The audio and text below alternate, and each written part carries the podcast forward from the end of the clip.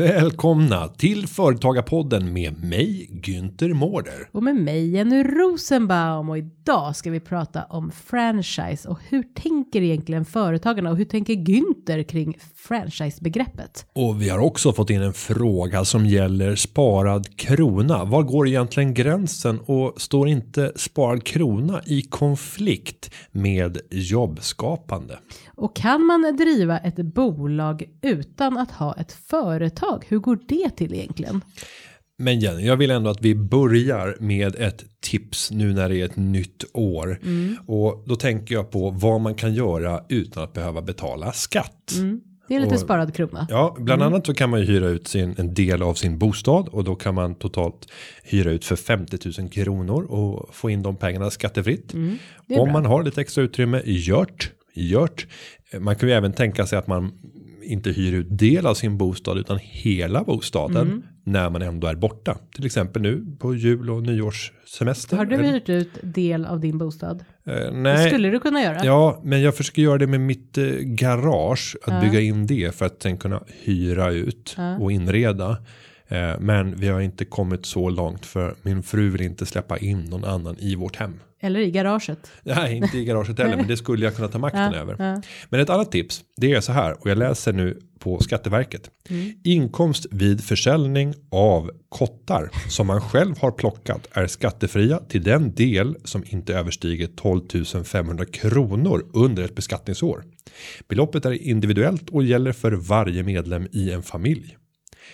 Hur många, hur mycket kottar brukar ni plocka? Ja, men det här är ju häftigt. Ja. Alltså, vi är fem stycken i familjen. Ja. Man skulle nog kunna hävda, även om det är svårt, att min yngste son, tio månader gammal, skulle kunna plocka Här, ta kottar. kotte. Nej, men det är inte avancerat. Är ju, han, kan, han har ju gripe, alltså reflexen är ju stark. Ja, pincettgreppet är ju inte Finns- bra. nej, men det är inte det man använder när man du kör använder kotte. inte, Jag är en kotte måste använda hela handen. hela Ja, handen.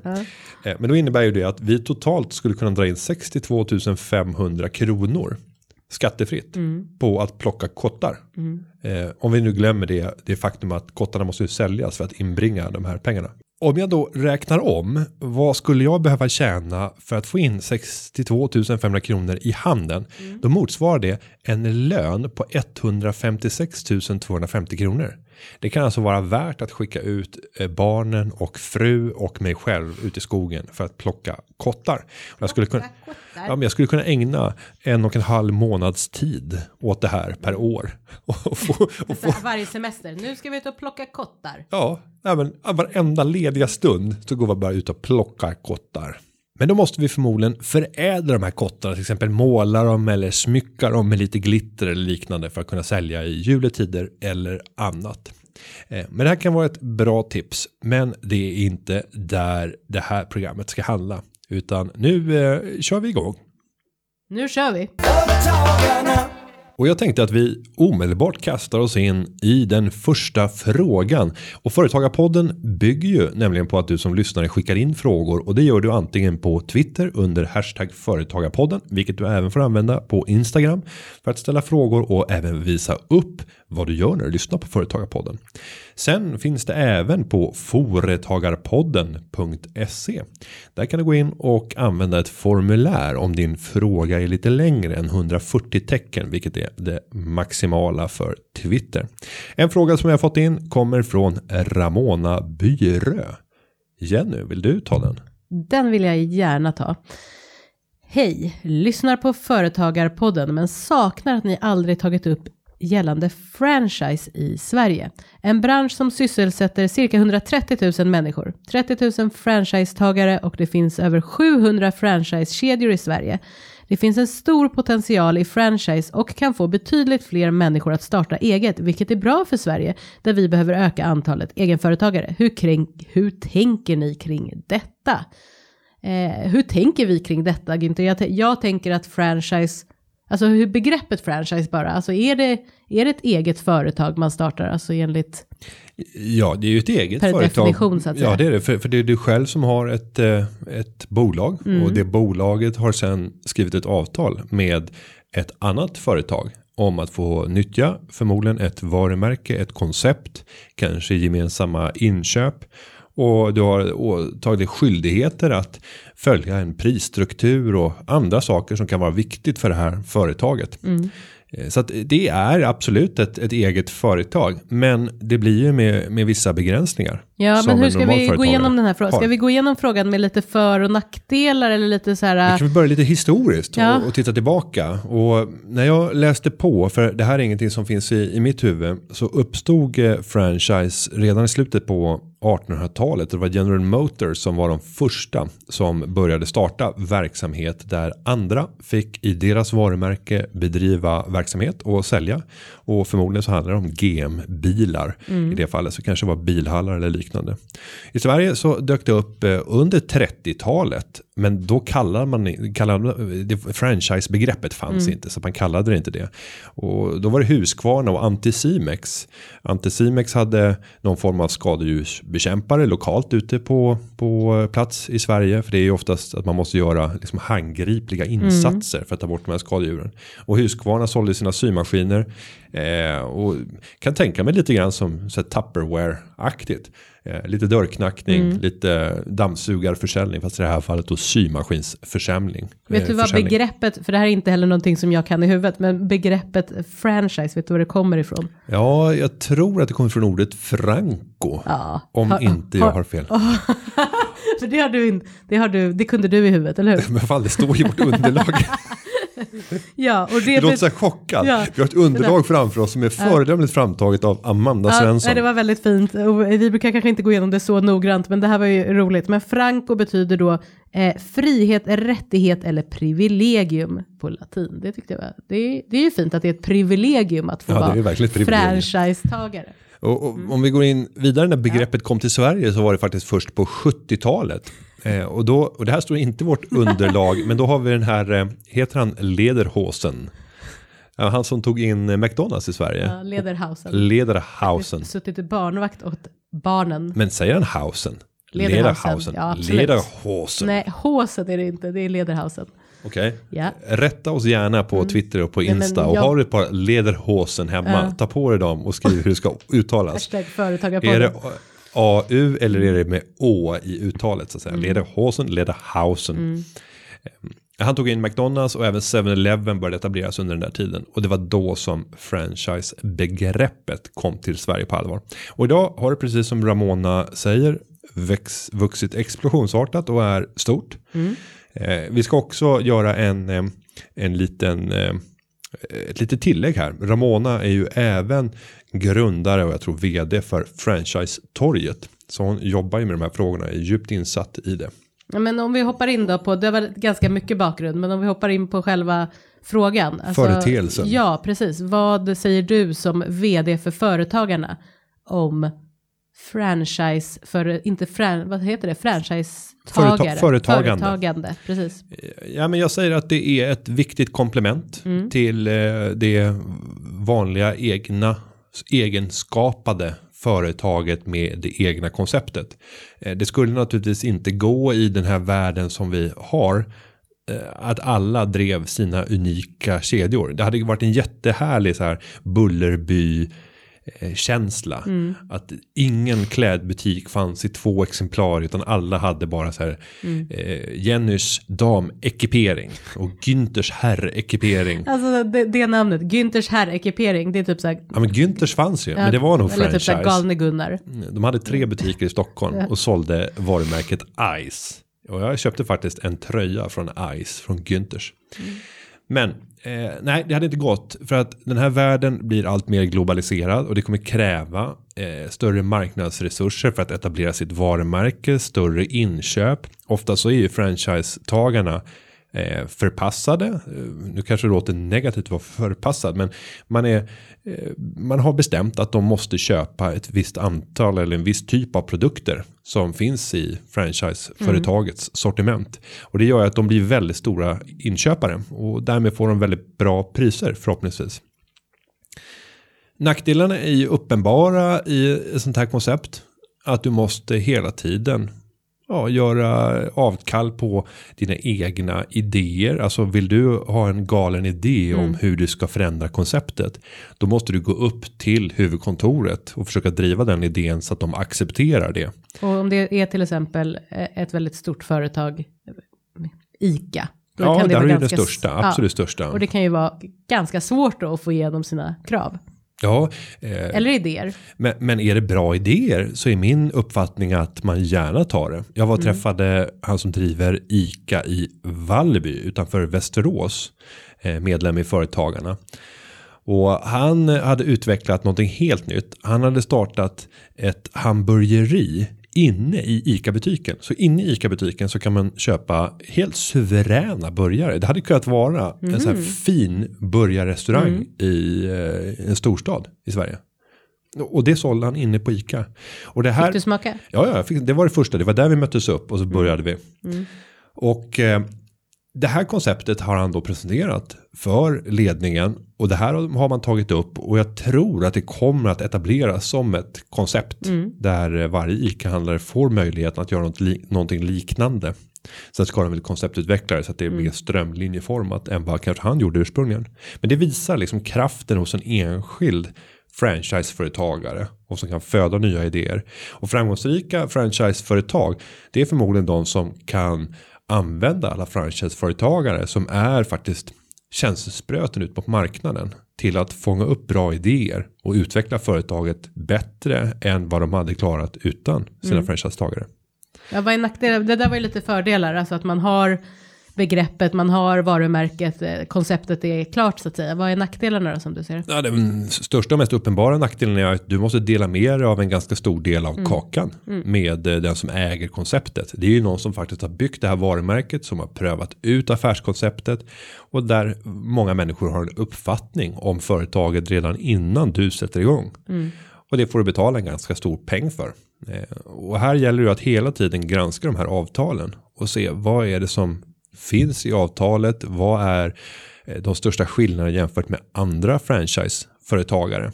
Och mitt tips där det är väl att om du ska starta ett franchiseföretag, gå till helt andra branscher också och försök hitta andra liknande avtal.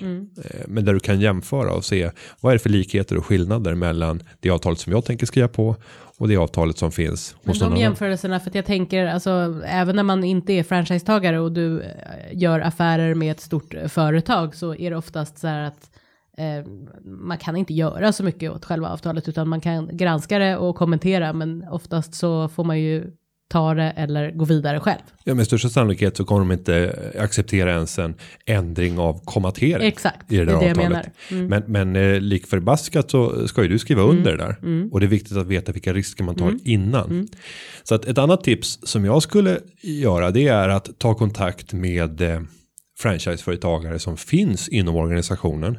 Och ännu viktigare, ta reda på vilka är det som har varit det historiskt men inte är det idag. Och genom att göra det så kan du även få prata med personer som inte har något beroende av det här företaget. Och kanske hittar du en och annan belackare som kommer att svartmåla det här kanske mer. Belackare, aldrig hört. ja men en belackare, någon som har vänder dig ryggen och vill dig ont. En belackare. Intressant. Ja. Eh, nej, och, och Det där brukar vara mitt tips även när man tar anställning på ett företag. Att eh, titta först till att börja med. Har du någon direktkontakt som jobbar där som du kan förhöra dig med. Sen tittar man på har du någon andrahandskontakt. En väns vän som jobbar där. Eh, sen tycker jag även att bara lyft luren. Titta på någon som har det i sin LinkedIn-profil. Och ring upp och säga att jag funderar och överväger ett jobb här. Så här, vad, Vad skulle tycker du ni? säga? Och då ska jag eh, dra en parallell som är något helt annat. Men när eh, min dotter, eh, den äldsta, då skulle börja på förskola. Så var det väldigt oklart vilken förskola. Och tänker jag så här, folk pratar alltid, man hör så här, men den är bra eller den är inte bra. Men då gick jag faktiskt till förskolan och sen så väntade jag fint utanför tills någon förälder kom ut och hade lämnat sitt barn. Och så gjorde jag det med några stycken och frågade, hej ursäkta mig, vad tycker du egentligen om den här förskolan? Och då fick jag faktiskt verkligen sanningen och så kunde man sen göra sitt, ta ett beslut om det man tyckte det var värt eller inte. En väldigt engagerad förälder. Eh, mycket, Nästan så att du på wallraffade. gränsen till eh, störig. Ja. Ja. Ja, Ja, men bra men tips. man kan göra så i många många delar i sitt liv. Nej, men det, här, det är ett bra sätt eh, i de här lägena. För att Men- det finns nog vissa franchiseföretag som utnyttjar sin starka ställning på bekostnad av franchiseföretagen. Och en annan sak om man är liksom ekonomiskt lagd. Det är att gå in och göra liksom ett Excel-ark. Där man tar alla franchisetagare, för det kan du ju lätt hitta vilka de är. Eh, och sen så gör en uppställning över hur ser det ut för de här företagen rent ekonomiskt. Vad har de för vinstmarginal? Vad har de för personalkostnader? Vad ligger övriga externa inköp på?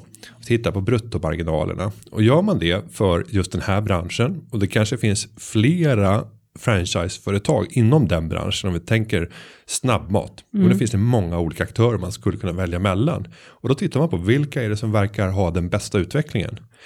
Och då får du göra en bedömning av beror det här på att det här företaget har en positiv våg just nu. Att just nu om jag tar eh, McDonalds som franchise-koncept så skulle jag säga att just nu så rider inte de på någon framgångsvåg.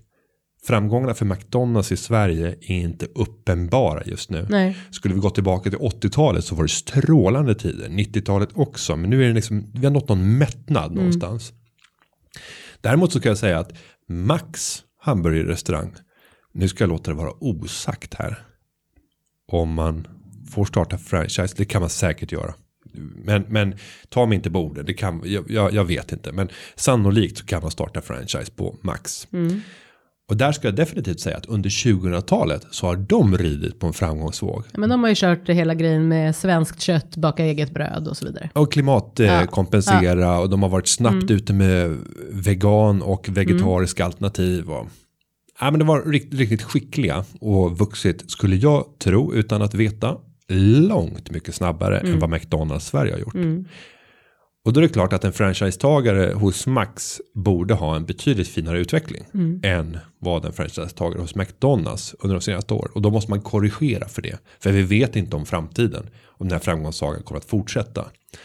Eh, Men det är en ganska bra övning att göra för att se Men jämföra helt enkelt. Ja, vilken lönsamhet, hur mycket stiger försäljning, vad har man för personalkostnader? Genom att få den informationen så kan man ganska snabbt utvärdera olika koncept. Jag tänker bara hoppa tillbaka för att du pratar ofta om att ja, men, eh, generationsskiften, man behöver inte alltid starta liksom, allting från början utan man kan titta på eh, befintliga bolag och så är det här att jämföra med det, alltså franchise-konceptet. Förstår du? Jag tänker att man kanske, om man är sugen på att starta ett, ett företag, man vill bli företagare om man inte har en egen idé så att säga.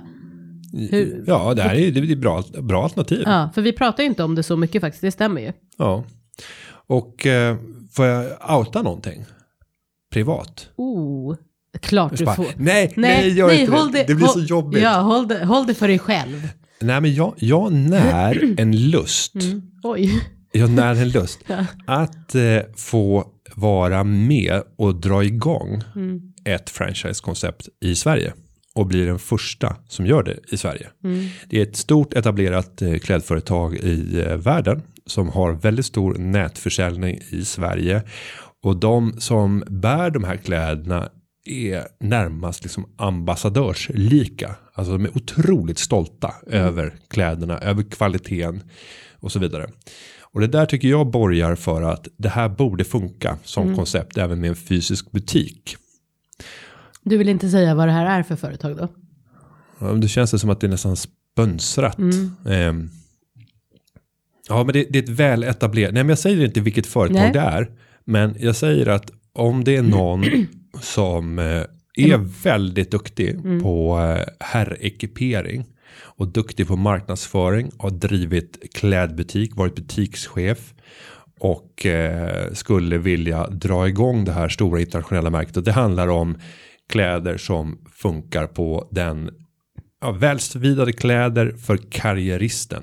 Okej. Skulle jag beskriva det som. Och den, akt, den aktive karriäristen. Jag ville bara stänga av podden och höra vad det här är för märke. För jag känner så här om det är väletablerat och internationellt. Varför finns det inte redan i butik? Och Men det finns i Köpenhamn, det finns i Riga, men ingen, det finns i Köpenhamn och Riga. ja, Ja. men, men ingen butik i Sverige. nej, och det men- skulle platsa. Och, då, och jag behöver någon som har erfarenheter av att liksom starta igång butik som kan säga Ja. att ja, det här borde vara, det här måste Mm. vara på Biblioteksgatan. Så bara, nej, det är helt fel. Du ska positionera det här på Mm. Söder. Eller det spelar ingen roll, för det här är en butik man kommer gå till. Det bästa är att vi gör det hemligt. Mm. Eh, där jag jobbade, eh, när jag jobbade på Nordnet så hade vi kontor på Biblioteksgatan. Och där fanns det två våningar upp, en lite så här hemlig dörr. Mhm. Och där var det ett, ett liksom skrädderi och en försäljare av eh, kostymer. Och där tydligen prinsen handlar. Oj, man fick komma in bakvägen. och det där blev ju en snackis. Mm. Så bara, det där är riktigt exklusivt. Så de behövde, även om det var Biblioteksgatan så var det ju inte gatuplan. Utan ja, det ligger som Mm. i en vanlig kontorsfastighet två våningar upp. Köpte du någon kostym där? Nej, nej, nej, det gjorde jag inte. Men, men jag visste ju mycket väl att det låg där. Och jag tror Gick att folk. Mm. folk vallfärdar dit. Och det känns lite häftigt att det är avsides. Mm. Att folk ska inte veta om det här. Då blir det ännu mer hypat. Annars tänker man ju när du pratar om franchise, då tänker man ju inte att det ska vara hemligt, utan snarare väldigt öppet i varje hörn. Ja, Mm. men, men eh, ja, så är du den jag söker. Jag står beredd att, eh, att finansiera det här om jag hittar rätt person som jag tror kommer att kunna göra det här. Och eh, ja, dra iväg ett, eh, Spännande. ett mail eller Mm. skriv in på företagarpodden.se och tillkännager det så kan vi ta har ett ni arbets, telefonsamtal. ypperliga arbetstillfällen här. Ja, och det viktiga är att du har en bakgrund, att Mm. du har dokumenterad erfarenhet, att du vet. Du ska vara drivenheten himself. Driv, drivkraften. drivkraften Mm. himself för att göra det här. Ja, det är bra. Eh, nej, men det var väl en hel Ja, del om det franchise. Det tycker jag. Jag ska även tipsa om, utöver franchise-torget som Ramona själv driver, så finns även Svensk Franchise, vilket är branschorganisationen Mm. för franchiseföretag. Ehm, och de har säkert väldigt mycket bra tips tillsammans med franchise-torget när det gäller hur man ska granska avtal och vad man ska vara liksom mån om att undvika Mm. när det gäller den här typen av avtal. För du sätter dig i en, eh, i en eh, väldigt tydlig situation där det är franchiseföretaget som bestämmer. Och då gäller det att eh, veta vad är det jag signat på. Men ett bra, ett bra koncept. Tips är väl också att prata med vara. andra franchisetagare. Ja, ja, ja. Det tror jag är helt avgörande. Mm, det känns ju som om man ska en... bli framgångsrik. Mm. Vi går vidare i frågebatteriet. Ska du ta nästa Ja, fråga ja, det, också? ja, men jag tar det. Då är det en fråga under sparad krona och det är Staffan från Nässjö som har skrivit den. Till att börja med, många tack för er inspirerande podcast. Den är king. Ja, det är den. Ja, den är king.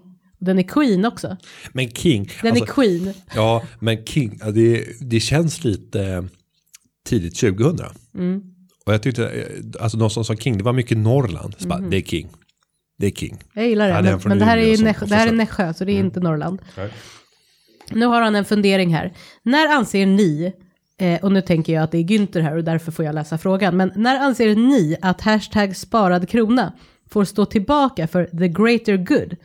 Jag tänker då främst på Günthers argument i debatten på SVT där han motiverar nyttjandet av tjänster med exemplet att lämna bilen för däckbyte i syfte att gynna arbete och tillväxt. Samtidigt som det borde vara ty- typexempel på något man kan spara in på. Ha det gött! Och då tänker jag ju också såklart att nummer ett, vad, vad var det du sa i den där debatten på SVT? Kommer du ens ihåg vad det handlade om och vad du pratade om? Jo, det här var en, ett längre inslag och för er som vill se det så kan ni gå in på min eh, privata Facebook-profil. Eh, där det var ett program som heter, eh, som heter Talkshow. Talkshow Talkshow. med Parisa. Eh, den heter Edit, SVT Edit. Hette talkshow. Den heter Talkshow, det var Talkshow. Eh, som var 20 minuters eh, samtal skulle det vara, men det blev väldigt mycket eh, debatt. Där jag satt mot en, eh, en kvinna som hade andra uppfattningar än vad jag hade när det gäller hur eh, världen är funtad. Och ja, tips. Det var en spännande debatt. Titta på den. Men där tar jag just upp frågan att vi måste skapa fler typer av arbeten som gör att svenskar blir mindre av Ernst. Eh, vi ska vara mindre av hemmafixare och ägna mer tid åt det vi är skickliga på att Tycker inte jag du ska snacka skit om Ernst. Nej, det ska vi inte göra. Mm. Men jag skulle vilja se Ernst stå barfota i november och byta däcken på, på, på bilen. Ja, solbränd. Och bara svära över att snön Nej, redan har hur kommit. mysigt det är att snön är här. Snart är det jul. Och, så, och så har de med någon liten termos med, Ja. med glögg och bara mm, med glögg och en så kanelstång och lite så, här apelsinklyftor Ja, och så kommer med några så här Odysseus citat Mm. samtidigt skriver av den sista säkerhetsbulten. Får den i, får den i pannan, den så här ploppar in och så blir jag jätteirriterad. Kan typ inte svära. Precis så, precis så. Nej, och då tänker jag att, ja visst, att byta däck på bilen, de flesta har inte det som specialitet, man har inte de verktygen som gör att det blir effektivt. Mm. När jag byter däck på bilen så tar det ungefär en och en halv timme. Jag När jag bytte däck En på och en halv bilen, dag. en och en halv dag. Ja. Ja. det hade det varit ifall jag hade en och en halv- en och en halv dag. Ja, men en och en halv timme tar Ja. det. För jag får stå med den här jävla vevdomkraften och veva upp och så slinter det. så Bara, ah, oh, nu fick jag Så blod ligger här. och så jämför man det med när man kommer in till en proffsverkstad och de bara lyfter upp hela bilen. Boom, och sen så står det fyra stycken. Ja. Ja. Det är över på tre och en halv minut jävla Formel 1 bytning av, av Det är däck. grymt. Eh, och då frågan, gör jag det? Tar jag en och en halv timme Ja precis, för tid? frågan här är ju också så här att du snickesnackar om att det är, man ska, ja. Sparad krona. nej gynna arbete och tillväxt, men, men sen är det sparad krona, vad gör du? Ja, Vad och då- gjorde du förra året? Eh, och då ska jag säga att förra året, alltså för två månader sedan, så bytte jag däcken hos en eh, däckbytare. Mm. Och hur tänkte du då med sparad Då, krona? då tänkte jag att det är inte ekonomiskt försvarbart. Eh, och det ska till rätt mycket. Men då var priset 200 kronor. Mm. Och för mig så är det inte värt att lägga en och en halv timme av mitt eh, liv på det för att tjäna 200 kronor. Men historiskt så har det varit det. Eh, om jag går tillbaka och tittar under tiden som student då var det liksom inte en fråga. Om jag går vidare sen och tittar på när jag var vd för företag eller för aktiespararna. Nej, då bytte jag också själv. En gång så använde jag mig av däckverkstad och faktum är att då blev det fel. Då hade de inte skruvat åt bultarna tillräckligt mycket och jag åkte upp till Sandviken för att gå på Sandviks årsstämma. Och så fort jag släppte gaspedalen så bara Nej jag blev bara mer och mer nervös och ljudet blev mer och mer påtagligt. Så bör- började bilen Så wobbla bara, lite jag kanske inte ska fortsätta köra, tänker man kanske. Nej, Och då åkte jag in till, till verkstaden igen och frågade, det har hänt någonting. Så bara, åh, men det är bultarna som inte är idragna. Så bara, okej. Jag var här i morse innan jag åkte iväg och fixade det. Ja, ja. Men var går gränsen? Jo, den går ju vid det läge där du kan tjäna mer pengar på någonting annat eller där din lediga tid faktiskt är nödvändig och behövs för att få den rekreation som du behöver för att kunna leverera topp på ditt arbete eller i ditt företag. Sen kan man säga att Sverige är ett sjukt land. Okej. Ja. Var, ska vi komma nu? Jo, jag vill komma till det faktum att om vi använder oss av eh, kalkylen 400 kronor i timmen.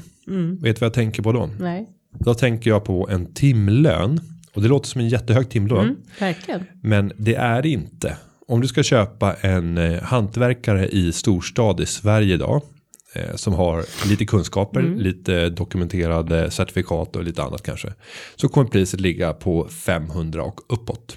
Du kommer kunna hitta en och annan som ligger lägre. Men i de flesta fall så är det 500 uppåt. 400 det betyder alltså att det är en enklare arbetare. Som inte har speciellt mycket kunskap. Det skulle kunna vara en däckbytare. Kanske kan komma ner lite mer på en däckbytare. Och om de då tar 400 kronor och då är det ink moms, timpriset för att kunna använda en sån här person. Om de tar 400 kronor i timmen, då kan man ställa sig frågan hur mycket måste jag tjäna som person för att ha råd att ta ut 400 kronor i timmen när jag jobbar i handeln. Och då ska det ju vara skattat och klart. För jag ska använda skattade pengar för att betala den här som gör en tjänst åt mig. Så då ska jag tjäna 600 kronor i timmen. Eh, nej, nej, nej, du måste tjäna långt mycket mer för de marginalskatteeffekterna här. Här har du ju över sk- 60% i skatt. För att komma ut och få ut 400 kronor i handen, om vi säger att du jobbar 40 timmar i veckan, så kommer det beroende på var i Sverige du bor att behöva tjäna mellan 115 000 och i de värsta fallen så tror jag att det är uppåt 125 000 i månaden. Det är bra. Så, att tjänar, Det- det är bra. så, så låt oss säga att vi har Ja. ett snittvärde på 120 000 i månaden. Ja. Då börjar det bli egalt Mm. att köpa timme för timme. Om det tar en timme för dig att göra det här jobbet och du kan köpa någon annan som gör det för en timme och som det kommer ta Mm. eh, en timme för. Men sen kanske det är så att den här personen gör det dubbelt så effektivt. Och i det här fallet med däckbytet Mm. Ja, du- så går det ju, alltså vi pratar ju, ja, åtta gånger Mm. effektivare eller sex gånger effektivare i vart fall. Och, För jag tänker tiden måste ju också, alltså du sa ju för sig det nu att det inte bara är pengarna utan det kan ju vara att du behöver, ja men precis, du har jobbat hårt och du har en och en halv timme på en söndag, eh, du kommer må bättre psykiskt eh, och fysiskt för den delen av att eh, ligga och läsa en bok eh, Jo, en sen kan- timme och sen jo. åka iväg till verkstaden än att göra det där själg. Nej, och, och för min del nu, då passade jag ju på och jobbade. Sen, Såklart du Sen gjorde. jag ska jag jobba, men då var jag på väg till en föreläsning. Mm. Och eh, då tog jag med mig däcken i bilen, så vi kan sitta lite i kö för att komma fram till däckbyte, för det var några före mig. Då satt jag, gick igenom mejlen, gjorde lite uppdateringar i sociala medier. Och sen var det min tur. Ja, och då hade jag liksom gjort en hel del jobb under Mm. den där tiden. Så att eh, för mig så var det ju under arbetstid till och med. Och jag kunde arbeta effektivt. För jag var ändå på väg mot den här föreläsningen. Då. Så att eh, försök hitta kombinationsmöjligheter. Där eh, du faktiskt kan se att du gör det här under en tid då du kan göra annat. Där var det så uppenbart att jag kunde sitta och leverera i mitt arbete när någon annan gjorde jobbet. För jag är oberoende av plats och många är, har arbeten som är av den karaktären idag. Men jag tänker om, om man bara gör en avstickare från den här frågan, eller det har med den här frågan att göra, men den här typen av uppdrag, den här typen av arbete, eh, det är ju en del som använder sig av, eh, tänker jag, eh, rotavdragen Ja. när man pratar om den här typen av tjänster. Och eh, vad kan vi säga om det? Alltså eh, vad är det som håller på att hända just nu i Sverige med rotavdragen? Ja, men det intressanta nu är ju att helårsstatistiken har kommit för 2016. Och eh, man gjorde en förändring av rotavdraget där man sänkte avdraget från 50 till 30 procent. Precis. Och under fjolåret så var det nästan 180 000 människor färre som nyttjade rotavdraget. Det här är ju intressant tycker jag, för vi har ju pratat om det här och man, man säger att men gör man en, en sån här eh, minskning eller sänkning, då kommer det ju såklart bli en effekt.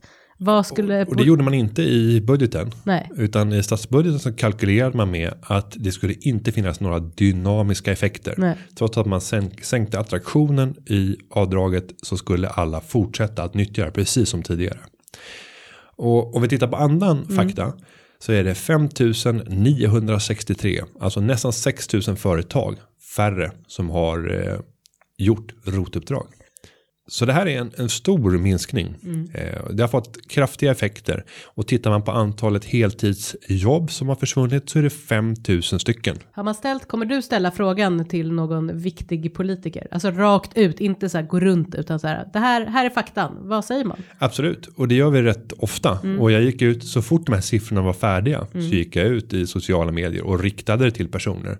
Och eh, där var det ju såklart de som är positiva till att återinföra det fulla avdraget. Det var med- de som svarar. Ja, så Annie Lööf sköt ut det där på direkten och gjorde det till sitt eget och meddelade att Centerpartiet är minsann det enda partiet som fullt ut vill återställa ROT. Eh, um, så att det här är klart att det får effekter och där det blir kraftigast effekter för vi har brutit upp det här på länsbasis så är det till exempel i Norrbotten. Där har det slagit allra hårdast. Varför, en, varför är det det tror du? Ja, men det finns en logik där. I storstan så kommer man alltid att vilja göra renoveringar. För att renoveringar och lyft av sin bostad kommer att betala sig. Investerar du en krona så får du tillbaka en krona. Eller kanske till och med mer. Men åker du ut framförallt i glesbygdskommuner så kommer du se och i, de länen som kantas av mycket mark men ganska få invånare. Så ser du att fastighetspriserna är rätt låga. Vi pratar om några hundratusen om du kommer ut på landet. För en, eh, en villa på 150 kvadrat. Och då att investera, men vad kostar ett nytt Ja, kök? precis, det är ju lika dyrt Ja, det kostar 100 000 om du köper ett, Ja, ett ja. relativt billigt kök, men du ska ha fullutrustat. Du kanske kan komma undan på 50 000 om du verkligen snålar. Knappt. Ja, men det är svårt. Men, och då pratar vi ändå om att det kanske utgör en femtedel av hela, fa- alltså med marken, med huset, allt. Allt som står på fastigheten av värdet Ja, nej, då- utgörs av det där köket. Eller du ska, riktigt, du ska eh, borra för bergvärme. Det kostar 200 000. Så bara 200 000. Hela, hela faderongen här kostar 350 000. Det är lågt räknat tror jag. 350 000. Nej, du kan lätt hitta 350 000. Tror du det? Ja, gå ut på Hemnet och så går du ut och tittar ute i glesbygden. Mm. Det är inga problem. Du kan till och med hitta på 50 och 100 000. Det, det, det, och det är klart att det finns ingen logik med att göra renoveringar. Nej, utan det är bättre att bara låta det stå förfalla. Och sen köper Och sen du köper nytt. du någonting nytt. Ja. Mm. Som kanske inte är nytt utan som är 10, Nyare. 15, 20 år gammalt. Eh, Det är mycket bättre. Så det gynnar kan man säga en slit och slängkultur. Av Och, hus. ja, men av, av allt. Hela det skattesystemet som vi har i Sverige är egentligen liksom optimerat för att skapa en slit och slängkultur. Ta till exempel, jag tittar på min padda eh, som jag har framför mig nu när vi spelar in. Då har jag två sprickor i skärmen. Just nu så är det inga problem. Eh, Nej, för den är svart. Ja, ja, ja, jo den är svart men jag skär mig inte för Nej. att den värsta sprickan är uppe i hörnet. Just men drar jag fingret hårt där Mm. så skulle jag skära upp ett sår. Men jo men där uppe är jag, jag är inte uppe i Eh. Nej, hörnet. du är inte där uppe. Nej, Nej. eh, så där pillar jag inte för då vet jag att då blir det blod. Och då är frågan så här, ska jag Mm. gå iväg till en eh, reparatör i Sverige och byta ut det här glaset för att få ett nytt så att Mm. Jag slipper dyrt. få skärsår? Ja, för då måste vi betala svenska skatter. Vi måste betala svenska arbetsgivaravgifter på den som ska göra jobbet. Det är otroliga vinstmarginaler på att byta de där glasen också. Eh, Nej, det behöver inte vara. Men det, oftast. Nej, fast marknaden kommer ju att lösa det. Om vi skulle faktiskt räkna på vad är det absolut lägsta priset du kan komma ner till. Mm. Så kommer du ändå fram till att Det är typ Nej. värt att köpa en ny. det är bättre att vänta. Nu är den här Mm. två och ett halvt år gammal. Om jag väntar nu i ytterligare ett halvår till så är det bättre att bara köpa en ny. Mm. För då kan vi importera kinesiska villkor och sen finns det andra underleverantörer som har haft det riktigt illa och säkert lite barnarbete och grejer. Då är det bättre att vi importerar det och så att säga finansierar den delen Mm. av världsekonomin än att vi skapar jobb hemma och reparerar det som ändå funkar. Mm. Som skulle kunna ha en livslängd. Till exempel att byta batteriet i en sån Det är här. inte så bra ur miljöperspektiv heller. Nej, det är värdelöst. Mm. Och där vill jag ge en ros till Miljöpartiet. Ja, även Centerpartiet är ju profilerade i den här frågan. Men just eh, Cent eller Miljöpartiet har, om vi tittar på vänstersidan, drivit frågan om att hitta mer möjligheter att faktiskt göra det möjligt Mm. att renovera och laga fungerande saker istället för att köpa nytt. Mm. Samma sak är ju med skor. Om du tänker om du inte köper en riktigt fin kvalitetssko. Om du bara går iväg och köper en så här alldaglig sko. Mm. Det finns ingen logik i att sula om. Nej, Då är så den här, är så billig ändå. Ja, så, den så kostade kommer den inte. 500 kronor. Sula om kostar 250. Ja, men då är Mm. det klart jag köper hellre en ny sko. Och anledningen till att det kostar 250. Det är till följd av de skatterna som vi har. Så ett bra tips där när du är ute och reser. Det är att titta på saker som du skulle vilja renovera. Som faktiskt funkar. Som, som du skulle vilja laga eller göra en förbättring Mm. på. Det typiska sätt, eh, saker är ju kläder. Det kan vara skor. Kan också vara att man åker till Thailand och lagar tänderna. Ja, absolut. Mm. Sådana delar. Eller Polen och gör eh, lite bröst och läppar och Det ska sprutar man vara lite lite botox. försiktig med med tanke på Ja, en viss händelser. försiktighet. Ja, viss försiktighet. Ja. Men äh, ja, Nej, så att, det är en eh, annan diskussion. mitt, mitt, mitt eh, budskap på den här eh, korta frågan Mm. som Staffan hade, var går gränsen för sparad krona? Eh, ja, jag vill ju driva en politik där vi står beredda att köpa mer. Där vi använder de kronor som vi sparar på att faktiskt köpa oss tid. Tid som vi kan använda fritt till det vi önskar. Oavsett om det är arbete eller om det är familj eller att spara pengar någon annanstans. Det kanske är att göra ett storkok så att man har eh, lunch för de kommande dagarna. Då kanske man säger att ja, men då tar vi omsättning från en restaurangföretagare. Och det gäller att hitta en balans där. Eh, vi ska ju göra samhället så effektivt att man gör det man är bäst på. Sen är det klart att vi kommer att tycka vissa saker är roliga. Det är ju roligt att hålla på och småfixa där hemma och kanske laga lite mat även om man vet att andra gör det bättre. Så att eh, en liten balans där. Nu, nu stoppar vi dig tycker jag, för det, det där kan fortsätta i all oändlighet. Men jag tycker att det var fina slutord. Och jag, jag- hoppas att Staffan i Nässjö är nöjd. Får jag gå vidare och läsa nästa fråga Okej så får då. du kasta det på den. Då. Och den har vi fått inom temat gråzonen. Allt som är lagligt är inte alltid lämpligt. Nu får vi se. David från Linköping. Hej, jag studerar till civilekonom på universitetet och är intresserad av att starta bolag tillsammans med en kompis. Jag undrar om man kan börja sin verksamhet utan att starta företag för att se om sin produkt håller måttet och om det finns någon efterfrågan på marknaden. Och om så är fallet Då registrerar ett bolag. Idén är i stort sett att köpa in herraccessoarer och skapa mervärde genom en snygg hemsida och diverse tips och inspiration. Bra förpackade produkter och en bra närvaro i sociala medier för marknadsföring. Tack på förhand och tack för en trevlig podd. Tack, tack. Tack David. tack. Ja, kan Ja. man bara dra igång en verksamhet och testa? Ja, det är ju lite, blir ju lite svårt. Alltså dels tänker jag hur man ska dra igång den. Alltså hur ska man testa den? Då, då menar han att man börjar, man kör igång precis som vanligt, man, men utan ett bolag. Alltså då blir det ju lite problematiskt, tänker jag, med Skatteverket eventuellt ifall de anser att det här inte är någon typ av, för det skulle väl gå under någon hobbyverksamhet då. Eh, Men finns det ett vinstsyfte då kan man börja tangera på att ja men då är det ju inte en verksamhet, då är det ju en näringsverksamhet, alltså det är ingen hobbyverksamhet. Och då ska det ju beskattas eh, som ja, inkomst av tjänst, det man får in. Och ganska snabbt så kan Skatteverket själv bestämma om det här är en närings- näringsverksamhet. Och Mm. Exakt. då betraktar man det som ett enskilt bolag. Ja, så att jag tycker den, eh, liksom att hoppa in i det här tycker jag känns, känns onödigt. Jag tror att, och det tror jag att du håller med mig om också, att det är väl bättre att bara starta och se hur det går. Ja, sen kan vi addera ytterligare en aspekt och det är att om de ska sälja saker så innebär det att de måste köpa de här varorna till att börja med. Om de inte har ett företag så måste de köpa de här sakerna som en privatperson. Och att, det är också tokigt med ja, ett företag som gör liksom affärer med en privatperson, men du kommer få stå hela momskostnaden. för du kommer betraktas som slutkonsument. Och sen ska du gå ut och sälja det på en hemsida. Och jag menar, där måste du ta ut moms. Om det är en, en liksom kommersiell verksamhet. Ja, nej, den, den håller inte riktigt, men jag, jag förstår ju att han, han vill liksom köra det här säkert och bara testa lite. Men man kanske kan göra, tänker jag, alltså någon enkät, eh, jag vet inte exakt nej, men hur det sk- ska gå till. Nej, men, men sen skulle jag säga, säga vad, vad är problemet med att starta ett bolag? Varför vill ja, det kanske du han inte tycker, men göra han det? kanske tycker att det känns riskabelt och att gå in med, Nej, men vadå, han det, måste fortfarande i och för sig gå in med kapital. i, ja, kapitalet behövs ändå. Så att, menar, om du startar ett aktiebolag, Mm. du ska ha 50 000 kronor. Men de 50 000 kronorna kan du ju omedelbart bygga liksom lager, du kan ta kostnaderna för att bygga din hemsida. Mm. Och så länge du kan göra liksom en, en kontrollbalansräkning Mm. där du faktiskt konstaterar att ja, men lagret är värt 40 000. Och vi har köpt den här hemsidan Mm. Precis. Mm. och den ska hålla nu för fem år framåt. Så vi har skrivit av en femtedel av det. Ja, och- men då är verksamheten igång. Mm. Det kommer att behövas kapital för att göra det här. Och om de inte vill göra insatsen på 50 000 kronor så ja, starta ett handelsbolag då. De var två stycken som skulle göra det här. Eh, var det det? Ja, kanske. Jag och en kompis. Ja, det är bra. Men jag tänker att om, om man går vidare bara för själva idén lite, nu var inte det frågan. Vad tycker vi om idén?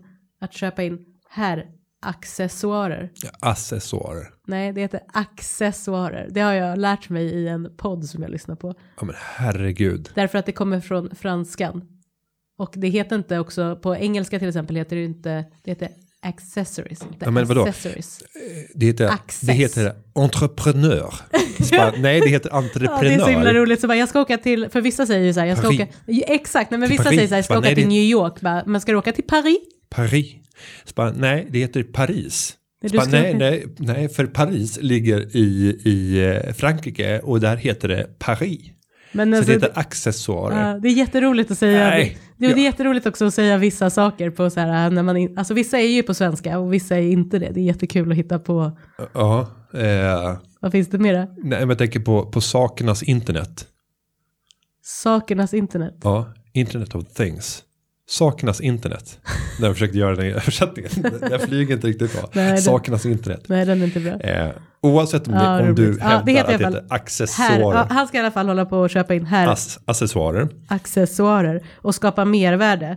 Eh, vad, vad, Jag tror att det är lysande. ja, och då diverse tips och inspiration. Man kan ju också få, och då antar jag att han eh, ska få betalt också, kanske om det är en bra sida på med reklam från olika bolag och olika eh, klädesmärken och accessoarmärken. Och, och det har dykt upp tycker jag väldigt många inom den här genren Mm. nu under de senaste åren.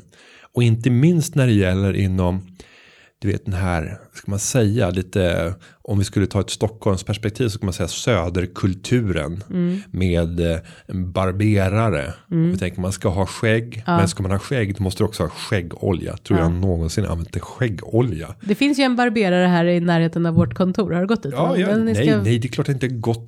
För jag, jag är inte en sån person som ska stå där så ska de raka med kniv för hand. Men om du hade fått det, nu kostar ju det lite pengar då, men om, det, om du hade fått det, hade du inte tyckt att det var kul? Ja, ja, kanske lite roligt, men då är det som en upplevelse. Och det är väl det det är. Ja, exakt. Eh, inte för att, Ja, Det är en kombination av att det är en trevlig upplevelse och du får skägget klippt. ja. Jag tror att framväxten är, är stor när det gäller, jag mötte faktiskt en sån här företagare som blev utnämnd till årets unga företagare i Gävle. Heter Mikael Jönsson och driver Uncle Frank. Uncle Frank. Så där kan man säkert gå in och titta på Uncle Frank på deras hemsida och även titta på hur de har gjort sitt butikskoncept. För jag föreställer mig att det är någonting liknande som David är ute efter. Och mm, på frågan franchise-koncept, varför uppfinna någonting på nytt?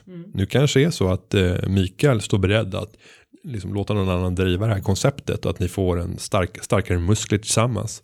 Och det kanske är så att ni inte gör en franchise-modell i klassisk mening utan att du till och med blir delägare i ett nystartat eh, dotterbolag till det här huvudföretaget. Varför inte idéerna sprutar från det? Ja, nej, för de verkar ha tänkt till och det verkar gå riktigt bra för dem och det här konceptet skulle funka utan tvekan på, på andra orter. Jag vet inte om de har etablerat sig på andra orter än andra Gävle. orter, det här är ju en hemsida så den kanske inte behöver... Nej, men de, gör, de kör ju också nätförsäljning. Ja, men jag tänker att det kanske inte spelar någon roll orten då. Nej, och, då ska, och sen ska man ju även sälja så här, du vet, en pipa. Det känns väldigt söder också.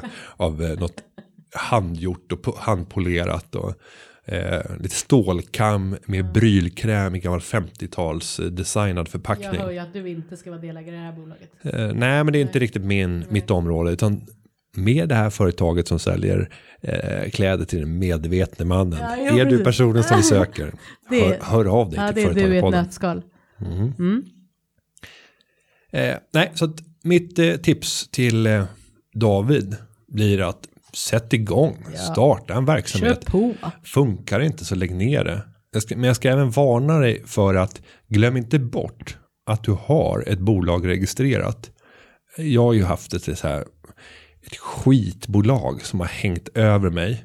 Där jag har inte bedrivit verksamhet i det här handelsbolaget. Och det var min bror som var skriven tillsammans med mig som, som handelsmän i det här bolaget. Och varje år så var det ju liksom panik när man kom på bara shit jag måste ju skicka in den nollade momsredovisningen. Så bara deklarationen, helskotta det måste in. Eh, så jag har åkt på flera förseningsavgifter på det där. Det är För- inte sparat kronor. Nej, för det finns inte ens på medvetandet. Om du inte ens har bedrivit verksamheten. Så att jag bestämde mig nu i förra, förra året, precis i slutet i december, så bara slaktade jag det där bolaget. Och det var så skönt. Men du, på tal om att slakta bolag, du har också startat bolag och det, för det Ja. kan man ju också prata om eh, med den här frågan om David. Alltså det är ganska lätt, eh, förstår jag nu, som inte har startat ett bolag men som har sett dig göra det nu. Alltså det går ganska snabbt. Ja, det, det gör det verkligen. Och eh, samtidigt som jag slaktade mitt gamla handelsbolag så startade jag ett nytt aktiebolag. Eh, och det aktiebolaget ska bara vara ett holdingbolag för mina aktier i onoterade bolag. Vilket är ett bolag just nu men förhoppningsvis kanske en handfull om några år. Och eh, då fick jag tips från vår redovisningskonsult att ja, men köp ett lagerbolag bara så kan du fixa det snabbt. Men eh, nej, jag tror att hon lever kvar i den här gamla världen innan verksamt.se faktiskt eh, slog rot och har underlättat så enormt mycket. Eh, Verksamt är ju ett samarbete mellan Bolagsverket, PRV och Skatteverket där du kan sköta alla dina ärenden när det gäller hanteringen av bolaget, registrering, lägga ner. Och också få, alltså det är otroligt bra för, eh, jag brukar tipsa våra medlemmar och ni där ute också som inte är medlemmar eh, och är företagare eller vill bli företagare. Det är så väldigt bra upplagt den här sidan med länkar till då som du säger PRV, skatte eh, verket och så vidare och att man ser i punktform, alltså det är jätte, jättebra Ja, eh, en strukturerat. fantastisk tjänst. Ja. Mm. Stor och varm kram till eh, verksamt.se. Fantastiskt jobb. Vi är jätteglada på företagarna och alla våra medlemmar eh, tackar er. Men det jag ska säga. Fyra dagar tog det. Mm. Från det- start till mål. Eh, ja, nu tog ju lite... starten lite längre tid. För att jag låter alltid min Güntern få starta bolaget. Ja, hon var Så- väldigt stressad. Hon, hon, hon skulle göra hundra saker och så sa hon så här, ja så ska jag starta ett bolag också här till Günther. Och, ja. Jo, men jag tycker att det, det är roligt. Ja, det, alltså att de det är får coolt vara att med. få ha gjort det. Ja, Ja. och kunna säga att det var jag som startade det bolaget. Eh, och det kanske man i alla fall registrerade det. Ja. Kanske inte startade det, men det är ganska bra. En det- erfarenhet att Ja, kunna det är säga jättebra det. att du faktiskt, för att man också när man fått göra en sån sak, då blir det också lättare att när man får sett praktiskt hur man verkligen gör. Då Ja, så förstår man oftast runt omkring Ja, så tror jag man växer när man får ett sånt ansvar.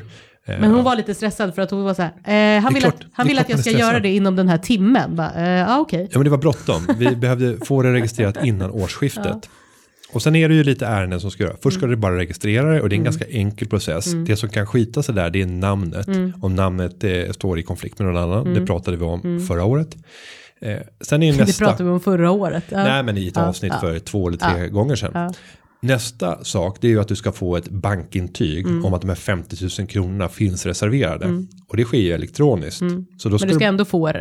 ja, alltså- men då måste du bara ha kontakt med din Mm. bank och så skriva in e-posten till den på banken som ska få uppgiften från eh, verksamt.se att här har Günther ansökt om att starta det här bolaget Mm. och du ska nu intyga att det finns 50 000 kronor och då ska de säga okej och skicka tillbaka det. Men fyra dagar tog det från det att vi tyckte på okej till dess att det var färdigt. Ja, det är ganska snabbt. Och eh, Som man det, säger. Undrar om det är rekord, alltså i Europa, var, var det går snabbast att starta bolag. ja men det måste, det måste vara Det i absoluta topp. topp. eh, Ja. Det måste det vara. Så att eh, en fantastisk tjänst. Så att det här med lagerbolag, då kan vi bara förklara vad det är. Förr i tiden så var den här processen rätt omfattande. Mm. Det tog mycket tid, det var mycket pappersarbete, fysiskt pappersarbete som skulle göras. Och då var det flera stycken som hade som affärsidé att man startade upp bolag utan verksamhet. Som man bara kallade så här Baronen 10, Baronen 11, Mm. Baronen 12, Baronen 13 AB och så vidare. Och sen kunde man köpa Baronen 10. Och på så sätt så kunde man börja bedriva verksamhet redan från dag ett. Och så var man, tvungen att fixa med namn och sådär efter då. Ja, då fick man Mm. korrigera det till det man ville ha. Ehm, så att, eh, men det är en bransch där jag inte skulle ge mig in idag. För att det är så pass enkelt Mm. att registrera själv. Ja, 70 000 lite nya bolag Mm. startades förra året, eller nästan 70 000 bolag. En hög nivå, säger ingenting om företagsklimatet däremot. Det intressanta är att mäta hur många av dem blir bärkraftiga. Jag tror du skulle säga, hur många av dem blir medlemmar hos Ja, oss? det är givetvis intressant. Ja. Eh, Och för dig som blir medlem i Företagarna så kan jag utlova ett eh, fantastiskt år och framgång i dina affärer. Ja, Günther, med det känns som att vi ska avsluta det här, det här äh, avsnittet. Eller vad säger du? har Nej, ju- du har någonting att säga. Ja, vi har ju någonting att säga. Ja. Innan vi avslutar det här så ska vi få höra några ord från vår nya sponsor. Ja, just det, vår huvudsponsor. Vår nya framför- huvudsponsor. Så eh, jag säger varsågod. Här kommer några ord från Företagarna till dig som driver företag. Höjd entreprenörsskatt, kilometerskatt, flygskatt, försämrat RUT och ROT, tvingande månadsrapportering, sämre postservice, vinsttak i välfärden. Det här är bara några av de förslag som regeringen har lagt fram som starkt kommer att påverka mindre företag i Sverige. Bli medlem i Företagarna idag så hjälps vi åt att stoppa vansinnet. Få reda på mer på företagarna.se. Företagarna. Och med de orden från vår, ja, får jag säga, fantastiska huvudsponsor uh -huh. så säger vi att den här podcasten har klippts av Kim Lindqvist. Tack och hej! Vi hörs nästa vecka. Att vi gör! Hej svej! Företagarna, ja, ja, ja, ja, ja, ja. Företagarna